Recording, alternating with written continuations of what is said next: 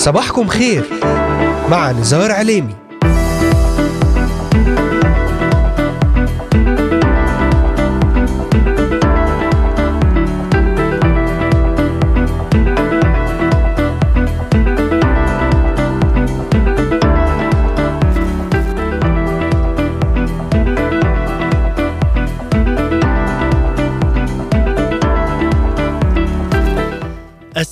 والعشرون من شهر سبتمبر أيلول للعام 2023 المستمعات والمستمعون صباح الخير.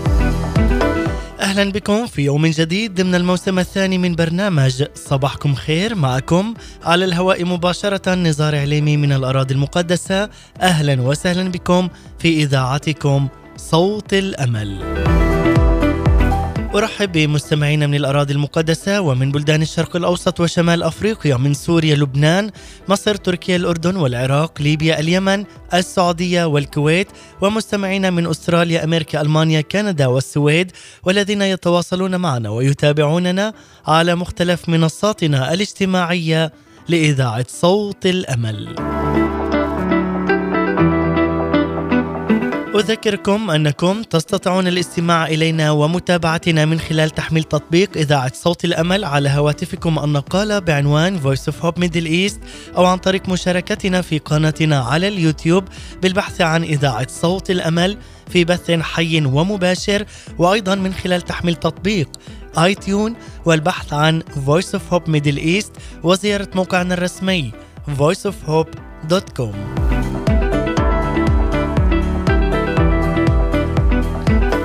تابعونا على مدار هذه الساعة الصباحية ولأي سؤال أو استفسار تواصلوا معنا الآن. للتنويه تستطيعون الاستماع والعودة إلى جميع حلقات برنامج صباحكم خير وذلك من خلال متابعتنا على محرك البحث إذاعة صوت الأمل في كل من تطبيقات أنغامي Spotify Deezer Amazon Music Apple Podcast و Pocket Casts Podbean بودكاست وستجدون جميع هذه الحلقات وغيرها من البرامج الخاصة لإذاعة صوت الأمل على هذه المنصات الاجتماعية المختلفة. أذكركم أيضا أن هذه الحلقة تعاد في تمام الساعة الثانية ظهرا بتوقيت القدس. أهلا وسهلا بكم أحباء المستمعين والمتابعين أينما كنتم وأينما حللتم. هنا إذاعة صوت الأمل من هنا من الأراضي المقدسة.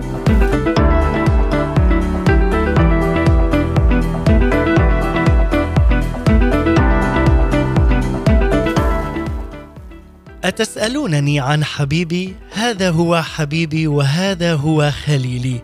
حبيبي كلمة ما أعذبها من كلمة وقوة هذه الكلمة. إنها مشبعة بالمشاعر، نابعة من قلب صادق، فائض بالحب الشديد، فتنساب على الشفتين كالشهد النقي ويكون وقعها على الأذن حلوا ومقدسا. ما أحلى هذه الكلمة وهي تخرج من فم المؤمن عندما يكون السيد الرب يسوع المسيح مالكا حقيقيا على عرش القلب وحده مستأثرا للفكر والوجدان. والمؤمن الذي تعلقت نفسه بالرب لا يمكن ابدا أن تبقى محبته للرب حبيسة بين جدران قلبه فهي لا تطيق الاختباء بل تصر أن تنطلق وتتدفق نحو الحبيب وهو العريس يسوع المسيح.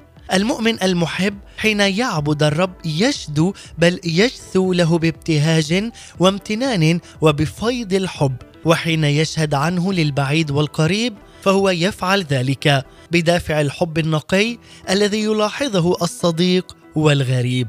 ذلك النوع الراقي من الحب الخالص والشديد يجعله يبذل النفس والنفيس بطيب خاطر لأجل الرب الحبيب وحينما يضنيه المسير وتحنيه أثقال الطريق لا يجد معينا سوى الرفيق الأمين في البرية فيعبرها مستندا على السيد الرب يسوع المسيح. أتسألونني بعد عن حبيبي؟ يا لها من فرصة أن أخبركم عن هذا الحبيب والفادي الأمين. فحديثي عنه مثل النهر الصافي الذي يرويني يوميا ومثل الطيب والناردين الزكي الذي يملأ عطره أنفاس حياتي فيزيدني تعلقا به ويضاعف اشواقي وحنيني له. حبيبي أبيض وأحمر معلم بين ربوة فما له بين الورى أو في السماوات نظير. لنقول بصوت واحد روحاني قلبي ومقدس.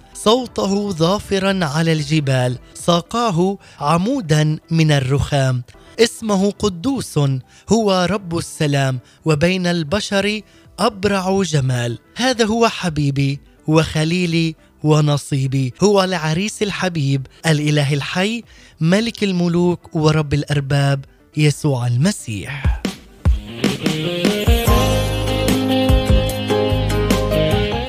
أهلا بكم في هذا الجزء الثاني من سلسلة أنا لحبيبي وحبيبي لي.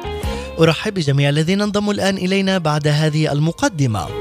واليوم نتحدث وإياكم بموضوع جديد حول نشيد الأنشاد هو سفر الحب الحقيقي بين الرب وخليقته هذا حبيبي وهذا هو خليلي. صوته ظافر على الجبال. ساقه وعمودا من لنبدأ معكم مع هذه الترنيمة مع المرنمة هايدي الحايك. ترنيمة هذا حبيبي وخليلي. هو قدوس رب السلام. هو الإله الأبرع جمال. هو إلهنا ومخلصنا الحي يسوع المسيح. ابقوا معنا لا تذهبوا بعيدا. لنرنم هذه الترنيمة ونعود إليكم. الجبال ساقه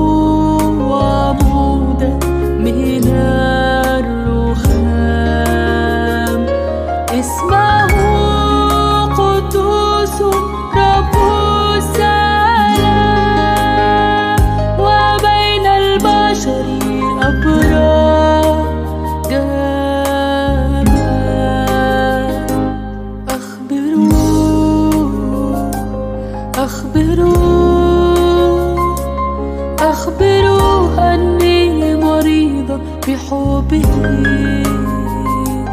أخبروه أخبروه أخبروه أني مريضة بحبه.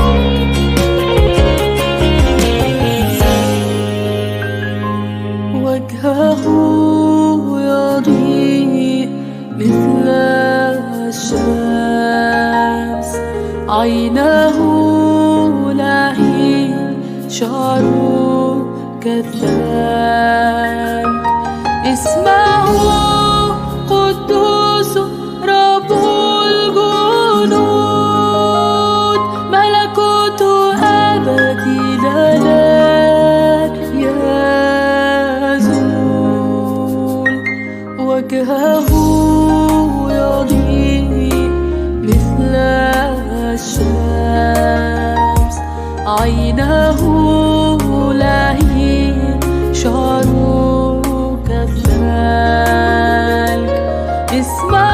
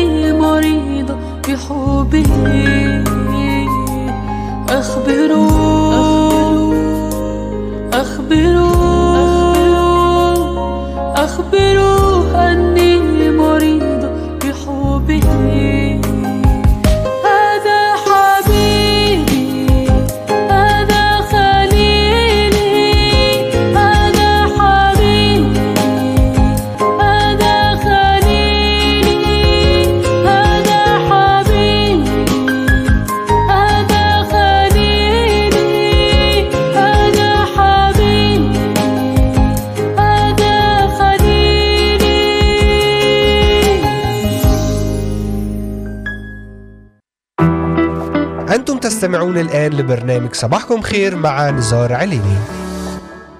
عودة من جديد لكم أحباء المستمعين والمتابعين بعد أن افتتحنا وإياكم بهذه الترنيمة الرائعة جدا مع المرنمة هايدي الحايك ترنيمة هذا حبيبي هذا خليلي. نعم ما أجمل أن نتمتع بهذه المحبة محبة السيد الرب يسوع المسيح ونقول له هذه الكلمات صوته ظافرا على الجبال ساقاه عمودا من الرخام اسمه قدوس هو القدوس هو رب السلام وبين البشر هو الأبرع جمال.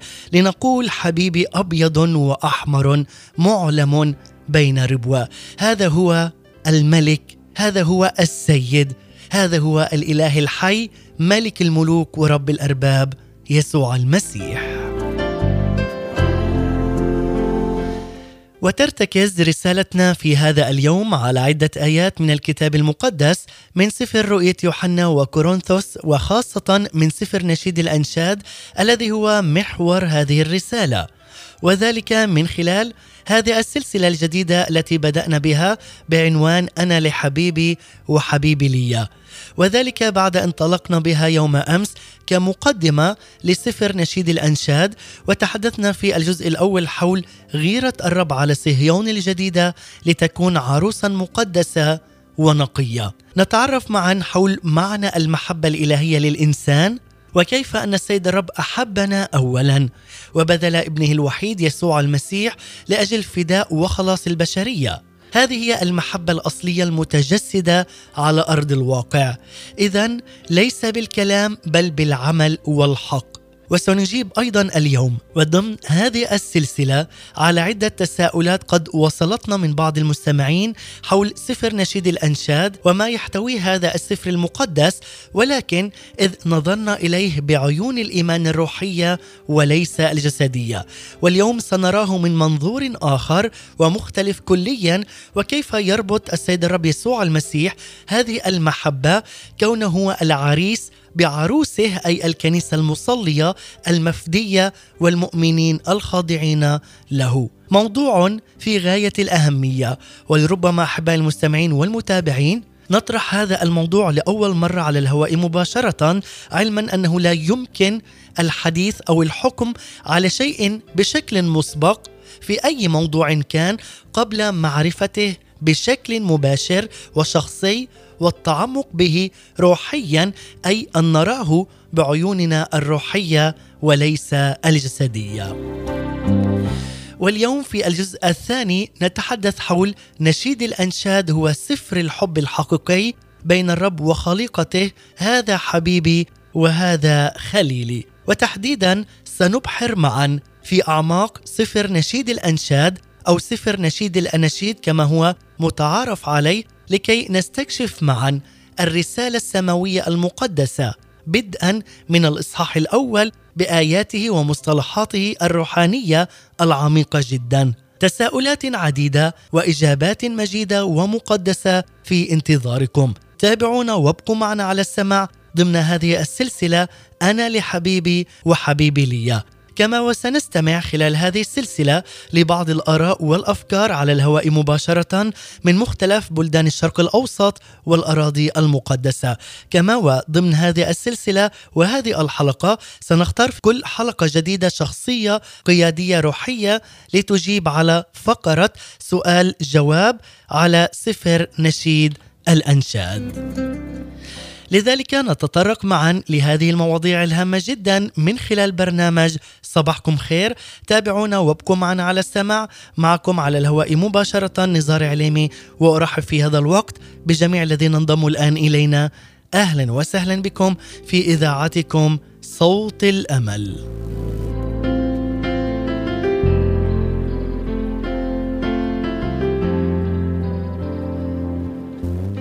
للتذكير أحبائي المستمعين أن هذه السلسلة هي ليست للاستماع العابر فقط بل للتطبيق الذي تتحول فيه المعرفة العقلية إلى حياة عملية معاشه لذا فهي سلسلة تطبيقية لسفر نشيد الأنشاد المقدس وليست دراسة نظرية أكاديمية. لذلك أدعوك عز المستمع للتمتع بهذه الرحلة الجميلة والتي ستأخذك في وقت سماوي روحي بمنظور جديد لحياتك الروحية. لنتعمق وندرس معا هذا السفر المقدس من نشيد الأنشاد المكون من ثمانية إصحاحات في العهد القديم من الكتاب المقدس لكاتبها الملك سليمان الحكيم.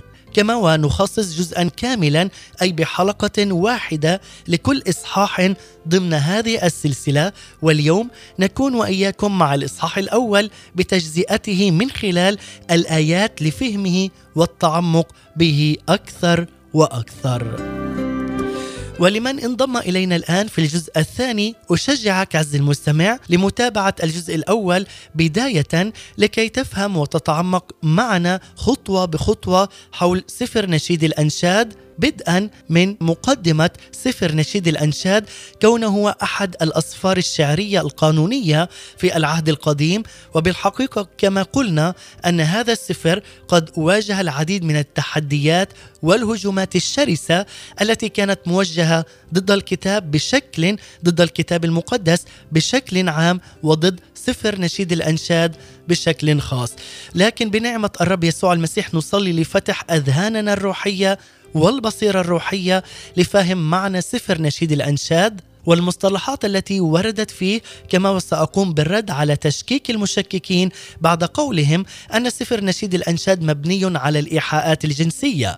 اليوم وفي كل جزء سنقوم بالرد على هذه الهجمات الخطيرة التي نسبت لسفر نشيد الأنشاد.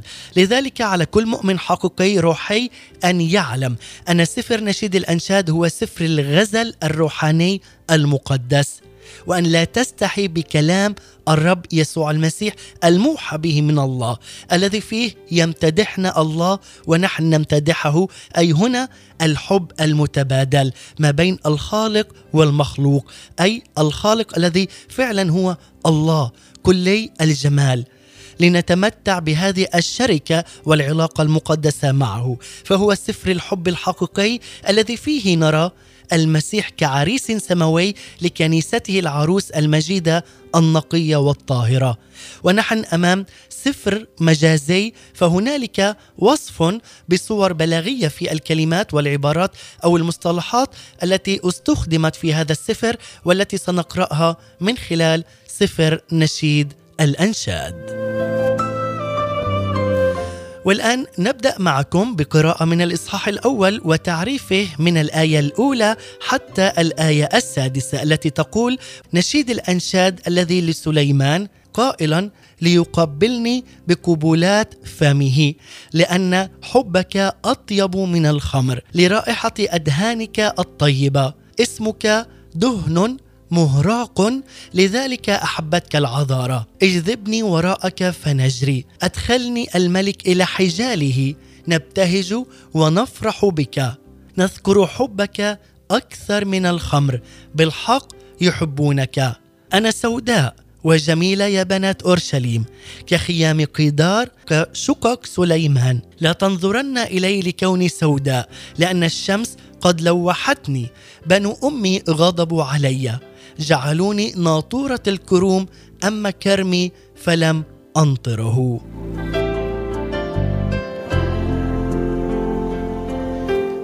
والآن أحبائي بعد أن قرأنا هذه الآيات من الإصحاح الأول من الآية الأولى حتى السادسة يقول هنا أن النفس البشرية أي العروس تعاني من إعياء شديد بالإضافة إلى الخجل لأن جراح الخطايا قد نزفت الدم الكثير. ذلك أنها قدمت في الماضي ذبائح كثيرة لتكفر عن هذه الخطايا إلا أنها لم تجد فيها الكفاية. لذلك أدركت العروس حب عريسها وهو يسوع المسيح. لذلك هذا هو الحب الحقيقي الذي تجسد على أرض الواقع. عندما أحبنا وخلصنا وغفر لنا خطايانا بالكامل وهو بموته وصلبه وقيامته أعطانا حياة أبدية وغفرانا كاملا لخطايانا.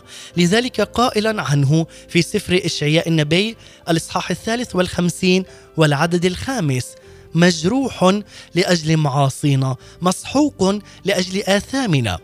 ويقول هنا لذلك طلبت إليه أن يقبلها بقبلات فمه. حقا لقد قبلها الله بقبلات كثيرة على مر العصور وأعلن عن هذا الحب فقد خلق العالم من أجلها. وعندما سقطت لم يتركها في سقوطها بل وعدها بالخلاص لكن ذلك كله لم يشبع العروس لأنها تريد هو نفسه بأن يقترب إليها ويهبها ذاته. فتأخذه جسدا ودما اقدسين لتثبت فيه ويثبت هو فيها. لذلك هذا هو الحب الأقوى هذا هو الحب الإلهي الذي تجسد وهذا هو الحب المعلن والحقيقي لكل واحد. فينا. يريد علاقة مباشرة ما بينه وما بيننا بين الخالق وما بين المخلوق. لذلك هذا هو الحب الذي يعلنه لكل واحد فينا. هو العريس وكنيسته والمؤمنين هي العروس. في هذا يقول أيضا أحد القديسين أن الكنيسة في العهد القديم كانت كفتاة صغيرة غير ناضجة لم تتمتع بصحبة العريس نفسه بل تمتعت بصحبة أصحابه أي الملائكة الآباء والأنبياء. ومن خلالهم تقبلت قبولات الله التي هي تعاليم العهد القديم ووصاياه. وكانت في طريق النمو تسير نحو النضوج لترى عريسها قادما إليها على تلال الناموس وتلال النبوات فالتهب قلبها بالحب نحوه فنادت حبك أطيب من الخمر. لذلك هنا حب السيد الرب يسوع المسيح هو أطيب من أي خمر في هذا العالم وهو أطيب وألذ من أي شيء كان خطايا أو فعلنا من خطايا في هذا العالم، لذلك عندما نتمتع بجمال وحب الفادي يسوع المسيح ننسى ما هو وراء ونمتد إلى ما هو قدام. ونرى كل اشياء مباركة مقدسة وجميلة لأننا أصبحنا فعلا صورة على شبه يسوع المسيح. إن العروس لا تستحي أن تطلب من الإبن هنا قبولات الآب لأن كل ما هو للآب هو للإبن أيضا. يقول هكذا أحب الله العالم حتى بذل ابنه الوحيد لكي لا يهلك كل من يؤمن به بل تكون له الحياة الأبدية. ويقول أنه لا تطلب العروس قبلة واحدة أو قبلتين بل قبولات. وهذا إحساس المؤمن حين يفتح قلبه لمحبة الله فإنه يشعر وكأن الله هو له وحده بالكامل ولا يوجد في الحياة إلا هو والله. لذلك نطلب منه هذا الحب الإلهي الحقيقي. لذلك أيضا يقال حبك أطيب من الخمر هو حب يسكر النفس فتنسى كل ما هو أرضي لتسبح وتتأمل في محبة الله وحده. أن ننساب في هذا الحب بأفكارنا وأيضا بقلبنا. يكون لنا قلب محب وفكر أيضا يحب هذا الإله الذي أحبنا قبل تأسيس هذا العالم. لذلك يقول أيضا هنا تعود العروس إلى بساطة الطفولة وتنظر إلى خطيبها المرتفع على الصليب تتعلق به في بساطة الإيمان. هذا هو الحب الإلهي. هذا هو الغزل الروحي ما بين الحبيب والمحبوب ما بين العريس وهو المسيح وحبيبته أي المؤمنه أو المؤمن الذي آمن بكلمة الله المتجسدة وهو يسوع المسيح له كل المجد. لأنه أيضا يقول في سفر المزامير عند كثرة همومي في داخلي تعزياتك تلذذ نفسي. نعم هنا أيضا يذكرنا أنه عندما كان العنب يعصر إن كان في مصر أو في الأراضي المقدسة أو في بلدان الشرق الأوسط بأن يسحق هذا العنب بالدوس بالأقدام في المعصرة فينساب العصير. يخرج هنا الرجال بعد عصره وثيابهم محمرة. لذلك رأى إشعياء النبي رب المجد يسوع المسيح أي هو العريس يجتاز المعصرة بثيابه المحمرة من أجل خلاص عروسه. وهنا دليل أيضا على صلب المسيح له كل المجد والذي قام وأقامنا معه لمغفرة خطايانا وهذا هو الحب العجيب لكل واحد فينا. لذلك عز المستمع يقول هنا من ذا الآتي من أدوم بثياب حمر من بصرة هذا البهي بملابسه المتعظم بكثرة قوته أنا المتكلم بالبر العظيم للخلاص. ما بال لباسك محمر وثيابك كدائس المعصرة. قد دست المعصرة وحدي ومن الشعوب لم يكن معي أحد.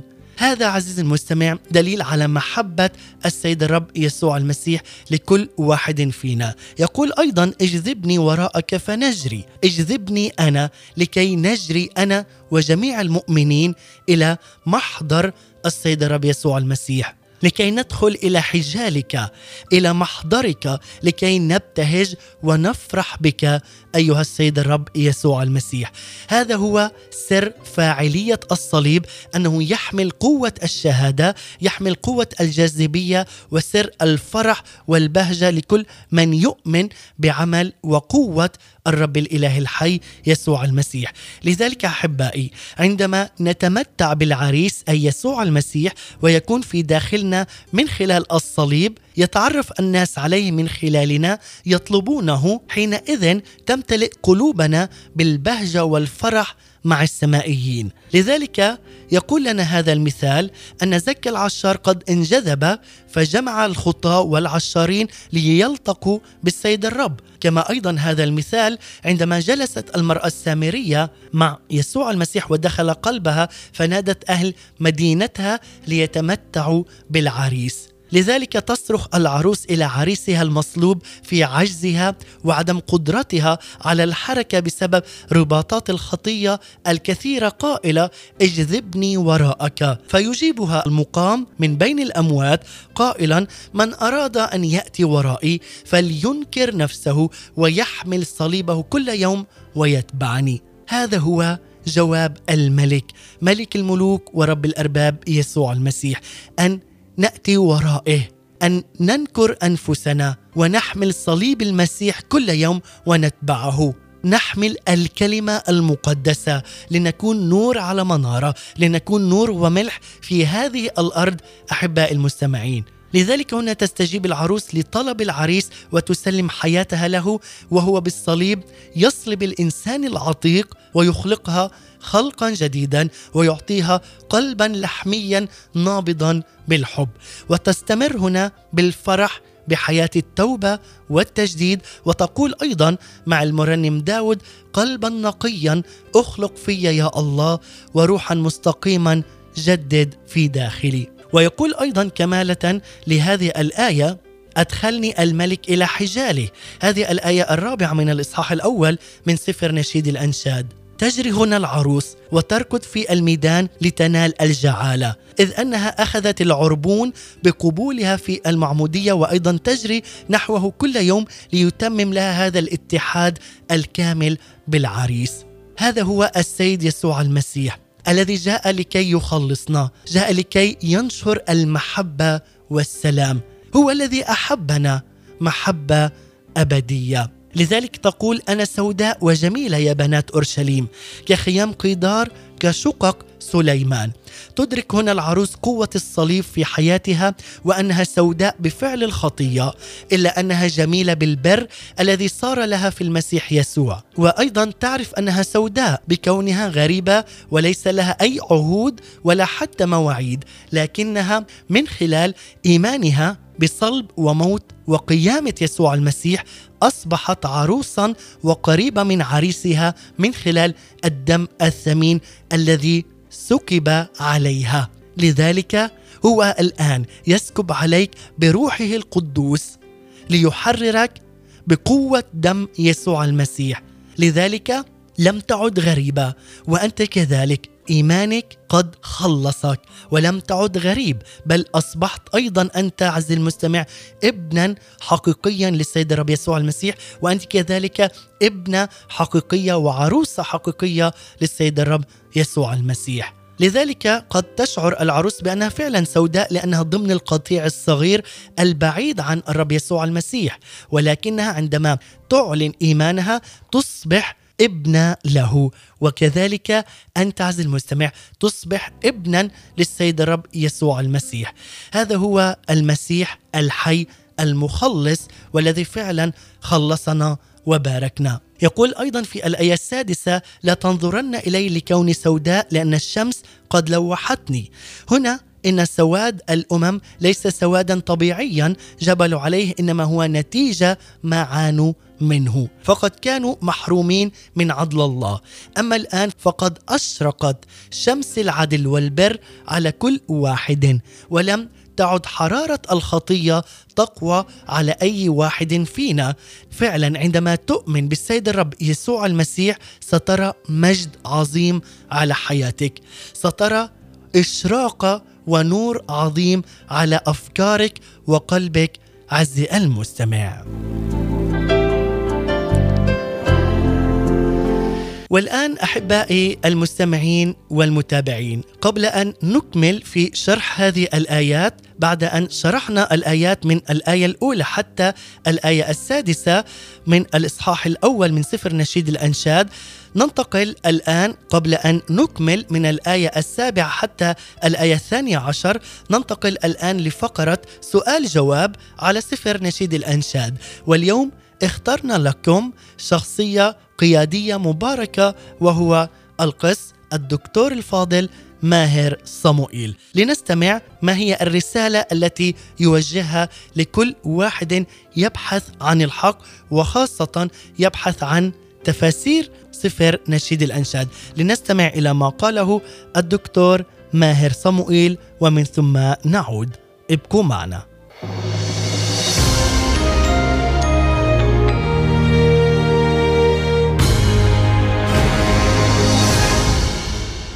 كتير من الناس عندهم مشكلة مع سفر نشيد الأنشاد ومشكلتهم تنبع من حاجتين في منتهى البساطة أحاول أوضحها. الحاجة الأولانية أن عندهم فكرة خاطئة عن مسألة وحي الكتاب المقدس. الكتاب المقدس يا أحبائي كتاب جمع كل الإبداعات البشرية الطبيعية اللي البشر أبدعوها وانتقى منها أشياء وصاغها بطريقة جديدة وأضاف إليها وجعلها معصومة من الخطأ.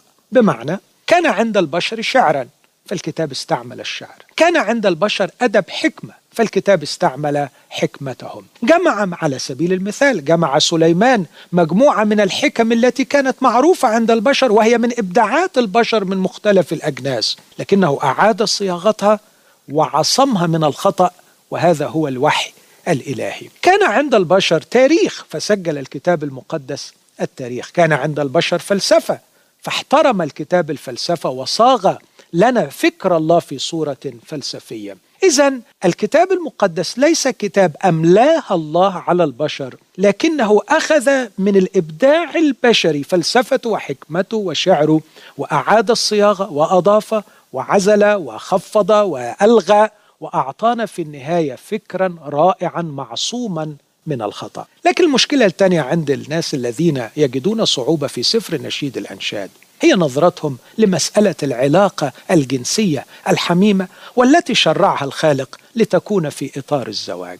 إنهم ينظرون إلى هذه العلاقة على إنها شيء دنس لا ينبغي أن يحويه كتاب الله. أحبائي الخالق لا يشرع شيئا دنسا ولا يخرج من يد الله إلا كل ما هو صالح. كون البشر خرجوا بها وأفسدوها هذه مشكلتهم وهذا إثمهم. لكن يظل الزواج وتظل العلاقة الجنسية في الزواج هي شيء مقدس يستعمله الخالق في التعبير عن أروع العلاقات الحميمية. فكما أن العلاقة الزوجية تصور محبة الرجل لامرأته ومحبة المرأة لرجلها أخذها الله ليجعلها صورة لعلاقة روحية أعمق بين المخلوق وخالقه. الرمز مقدس. وما يرمز به إليه أيضا مقدس. إن كان البشر جعلوا الرمز غير مقدسا فسد في أذهانهم في هذه مشكلتهم. لكن تظل العلاقات الرومانسية العلاقات العاطفية بل العلاقات الجنسية كما شرعها الخالق شيئا جميلا بديعا يصلح أن يستخدمها الروح القدس ليشير بها إلى علاقة أعمق علاقة الإنسان مع خالقه.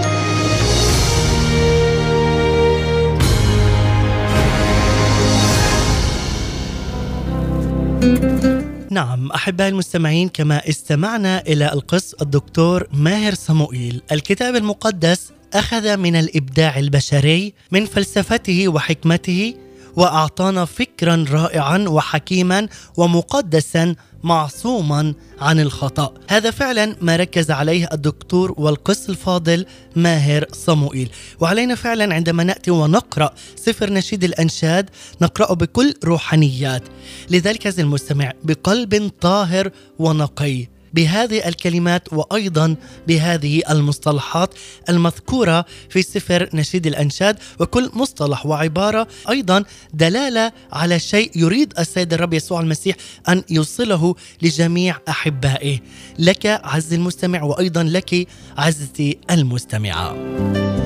والآن دعونا نقرأ معا من سفر نشيد الأنشاد الإصحاح الأول ووصلنا إلى العدد السابع لنقرأه حتى العدد الثاني عشر. يقول أخبرني يا من تحبه نفسي أين ترعى أين تربض عند الظهيرة؟ لماذا أنا أكون كمقنعة عند قطعان أصحابك؟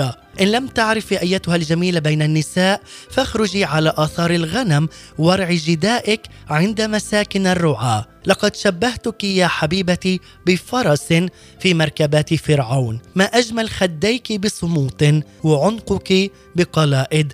نصنع لك سلاسل من ذهب مع جمان من فضة. ما دام الملك في مجلسه أفاح نارديني رائحته. هذه الرائحة الذكية الطيبة التي تفوح من رب المجد يسوع المسيح لكل واحد فينا. لذلك يقول أخبرني من تحبه نفسي. هذا الحديث الذي بينهم هكذا هي النفس البشرية أي عروس المسيح الطواقه إلى عمل من تحبه نفسها أي أنها لا تقدر إلا أن تحبه فهو الذي أحبها بالأول رغم أنها سوداء بذل نفسه من أجلها. هذا هو الحب الحقيقي. العلاقة تكون فعلا متبادلة ليس فقط الله يحبنا. نحن نعلم أنه هو الذي أحبنا منذ البدء ولكن هل فعلا الإنسان يقابله أو يبادله بنفس المحبة لذلك هنا يرينا المحبة الفعالة جدا المحبة المضحية عندما بذل الله ابنه الوحيد يسوع المسيح على الصليب وبذله لأجل كل واحد فينا لمغفرة خطايانا لكي يعلن لنا هذا الحب السماوي المقدس والطاهر لكل واحد فينا.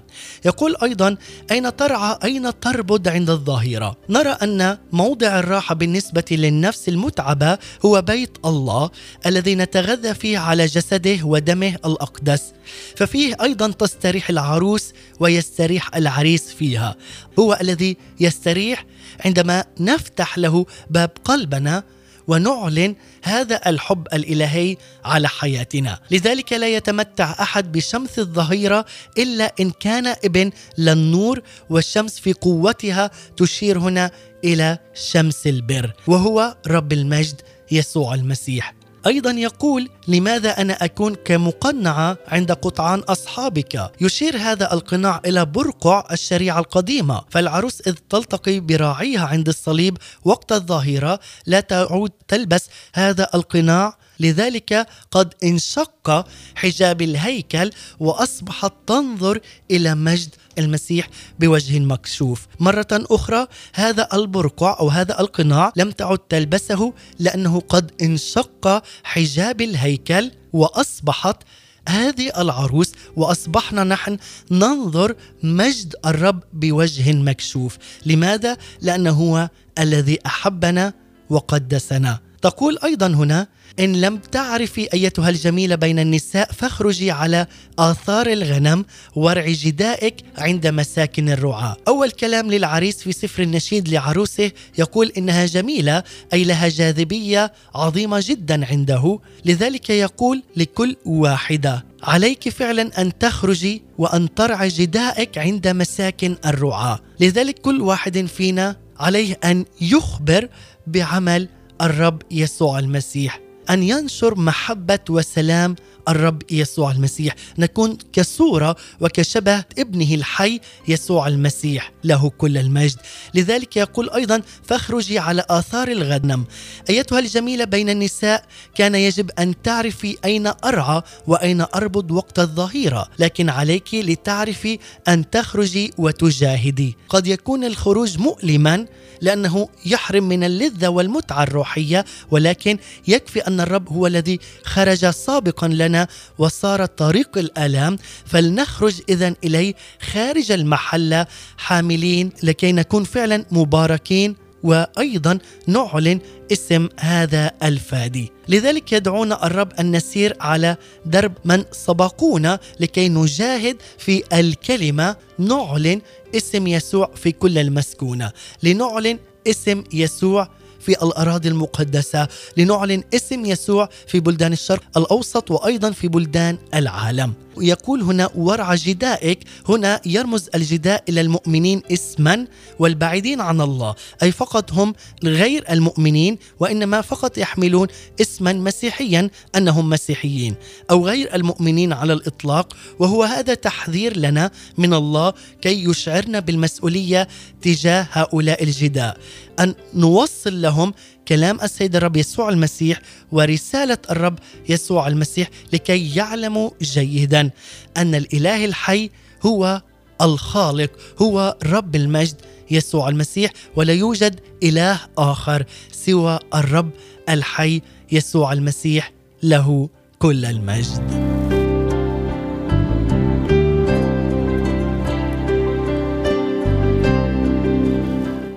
والآن أحبائي المستمعين والمتابعين دعونا أيضا نستمع إلى هذه الترنيمة الرائعة جدا ترنيمة مباركة ترنيمة الرب قريب كنت مطروحة بلا راع مع المرنمين ساندرا أشرف وإيهاب أمير. دعونا نستمع إلى هذه الكلمات الرائعة ومن ثم نعود لنستمع إلى فقرة آراء وأفكار مقدسة التي خصصناها لكم. ابقوا معنا لا تذهبوا بعيدا. كنت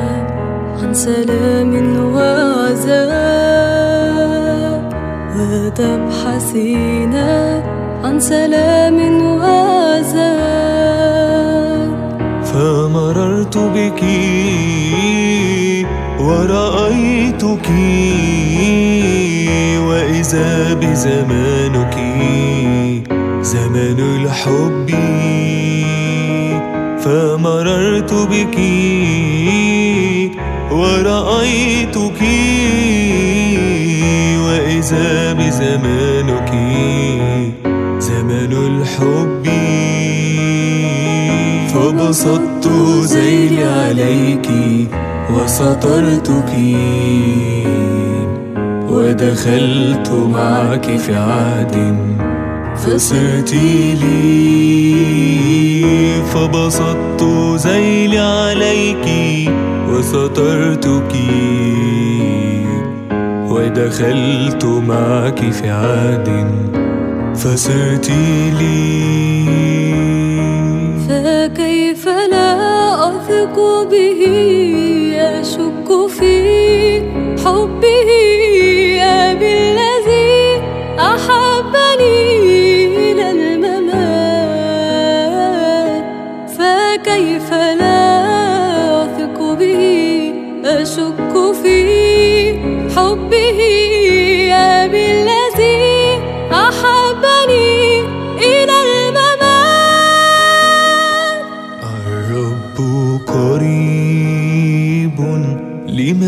يدعو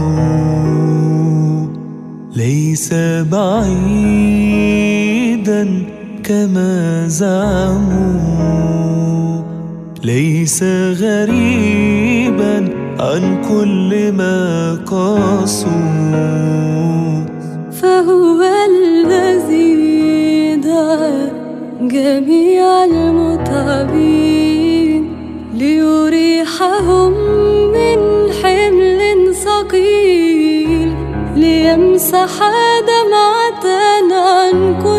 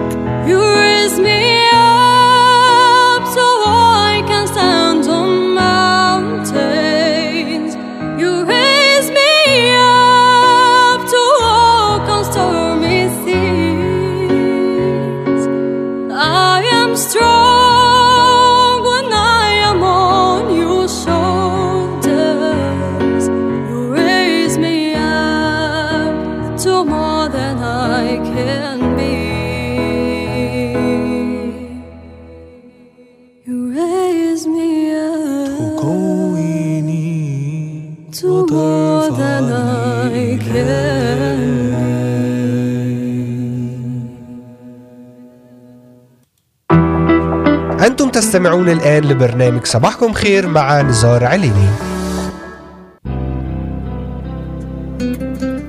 نعم عودة من جديد إليكم. بعد أن استمعنا لهذه الترنيمة الرائعة جدا مع المرنمين ساندرا أشرف وإيهاب أمير ترنيمة فعلا رائعة ومباركة. الرب قريب كنت مطروحة بلا راعي. يقول أيضا وإذا بزمانك هو زمن الحب. فعلا. هذا هو زمن الحب.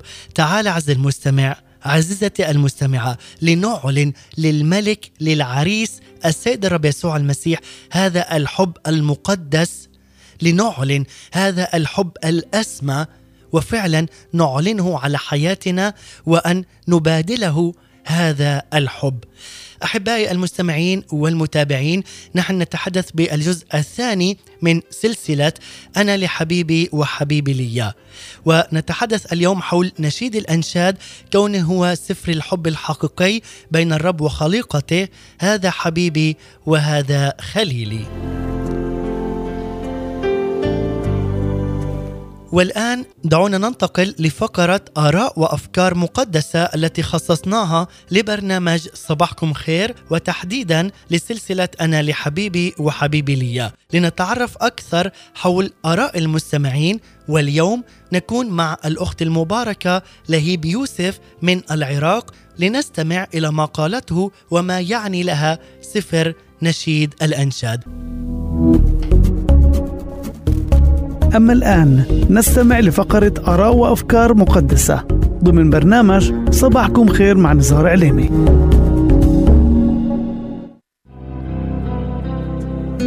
نعمة وسلام أحبائي. معكم الأخت لهيب من العراق حاليا أعيش في النمسا. هاي رسالة لإذاعة صوت الأمل.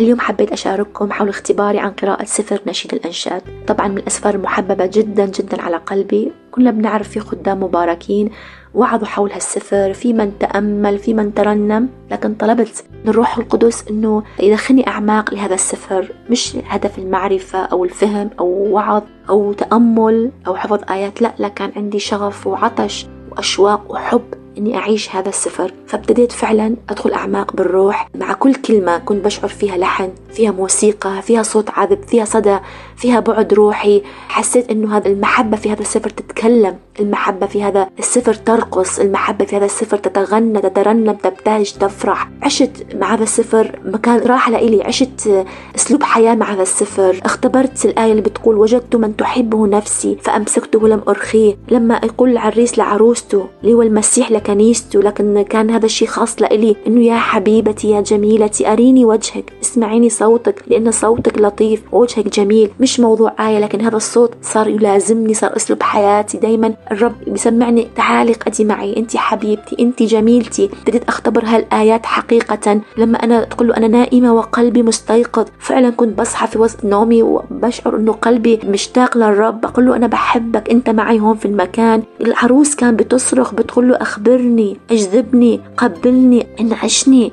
اسندني لنخرج لنبت لنبكر. أصبح هذا أسلوب حياتها أصبح في كل مواسمها في كل حالاتها في كل ظروفها في كل تعبها فأنا بتكلم ببساطة قلب. ليش بقول بساطه قلب؟ الشخص لما بيجي يحكي عن اموره الحياتية بيحكيها ببساطة قلب لأنه هو طبيعي عايش هاي الأمور. فأنا كمان أصبح هذا السفر أسلوب حياة بعيشه كل يوم. رغم تحديات رغم صعوبات لكن هاي المحبة عميقة جدا جدا. عمق هاي المحبة. شو هاي المحبة اللي فعلا فهمتها لما يقول المحبة كالموت؟ لأنه هاي المحبة هي محبة الرب. اللي قدمها لأجلي على الصليب هي محبة أبدية اللي كل يوم زي نبع الماء بتتدفق وبتفيض لمن حولي. أنا بشجع لكل شخص بيسمعني لو بده يختبر هاي العلاقة خليه يقرأ هذا السفر ويطلب من الروح القدس ويعطي مساحة افتح روحك لروح الرب أنه يدخلك هاي الأعماق تختبر هاي المحبة اللي هي أسلوب حياة. لأنه اليوم ما فينا نحكي عن الرب ما فينا نشهد عن الرب عن محبته إذا ما عشنا هاي المحبة. أمين. الرب يبارككم.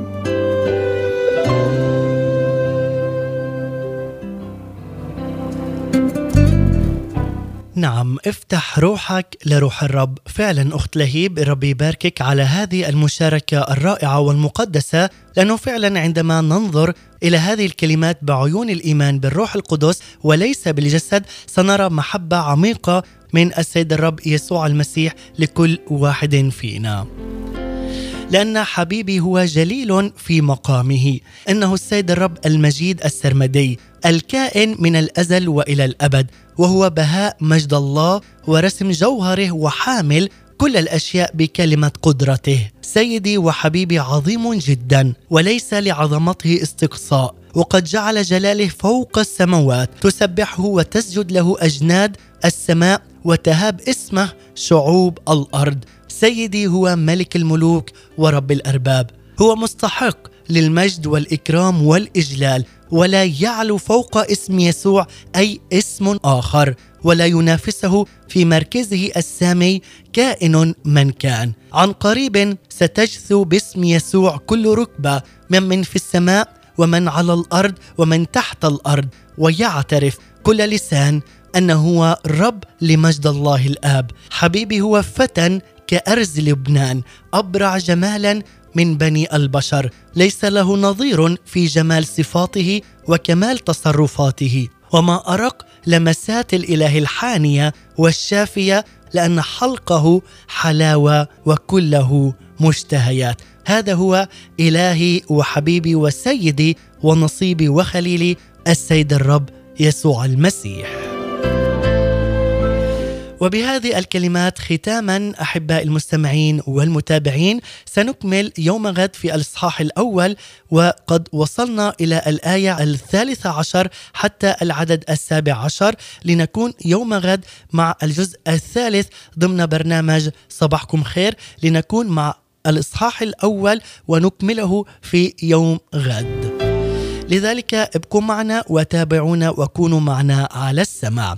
أما الآن وكما عودناكم ننتقل إلى الفقرة الثابتة والتي تبث لكم أيام الاثنين والأربعاء والخميس بعنوان وجبات روحية مع مقدمة وكاتبة هذه التأملات إناس دكور سمعان.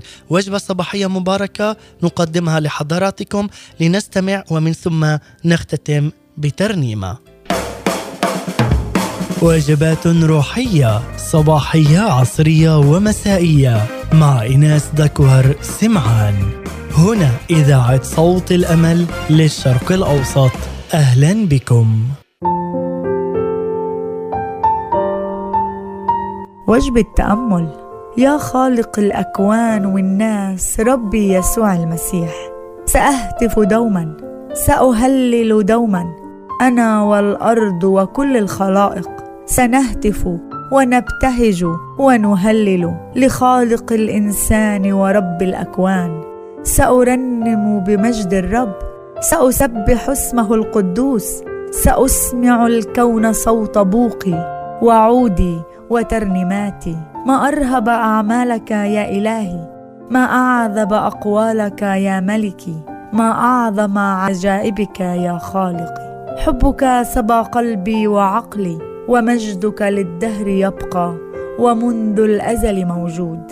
سألهج بحبك وأترنم بمجدك. يا من حررت الأنام من القيود وأنقذت النفوس من موت الجحيم. يا من جعلتنا ندخل ديارك ونسكن معك ونسمع صوتك. أنا سأباركك ونفسي ستباركك ولن تنسى كل حسناتك. لأنك غفرت لها ذنوبها وشفيت أمراضها وفديت من الحفرة حياتها وبالرحمة كللتها. فكيف لا أكرز في اسمك وأعلن ملكوتك وكيف لا أشكرك وكيف لا أحمدك بين كل شعوب الأرض؟ وأنت وحدك المستحق كل المجد يا يسوع يا ابن الله الحي إلى الدهر والأبد. امين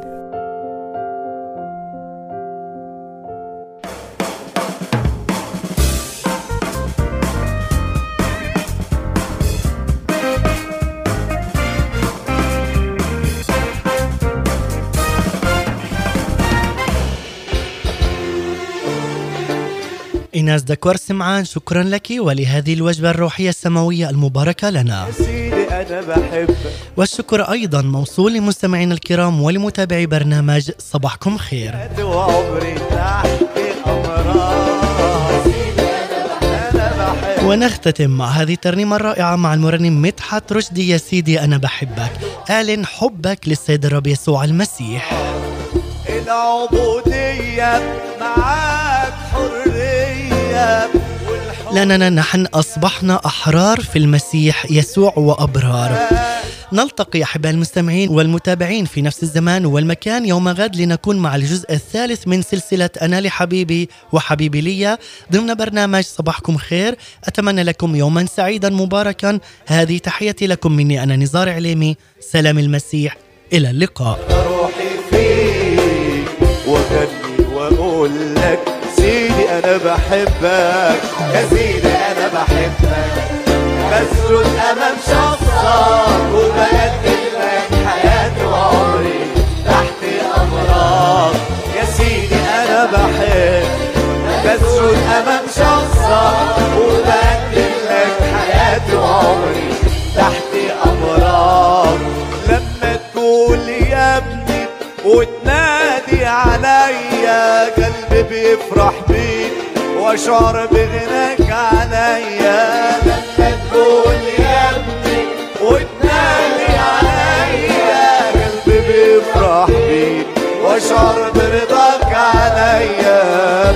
أجري عليك واقبل ايديك أجري عليك يا سيدي واقبل ايديك واغني وأقول لك يا سيدي يا سيدي يا سيدي أنا بحبك. بسجد أمام شخصك وبقدم لك حياتي وعمري تحت سيدي اسم الرب برج حصين يركض إليه الصديق ويتمنع Proverbs 18:10 says, "The name of the Lord is a strong tower. The righteous run to it and are safe." إذاعة صوت الأمل The Voice of Hope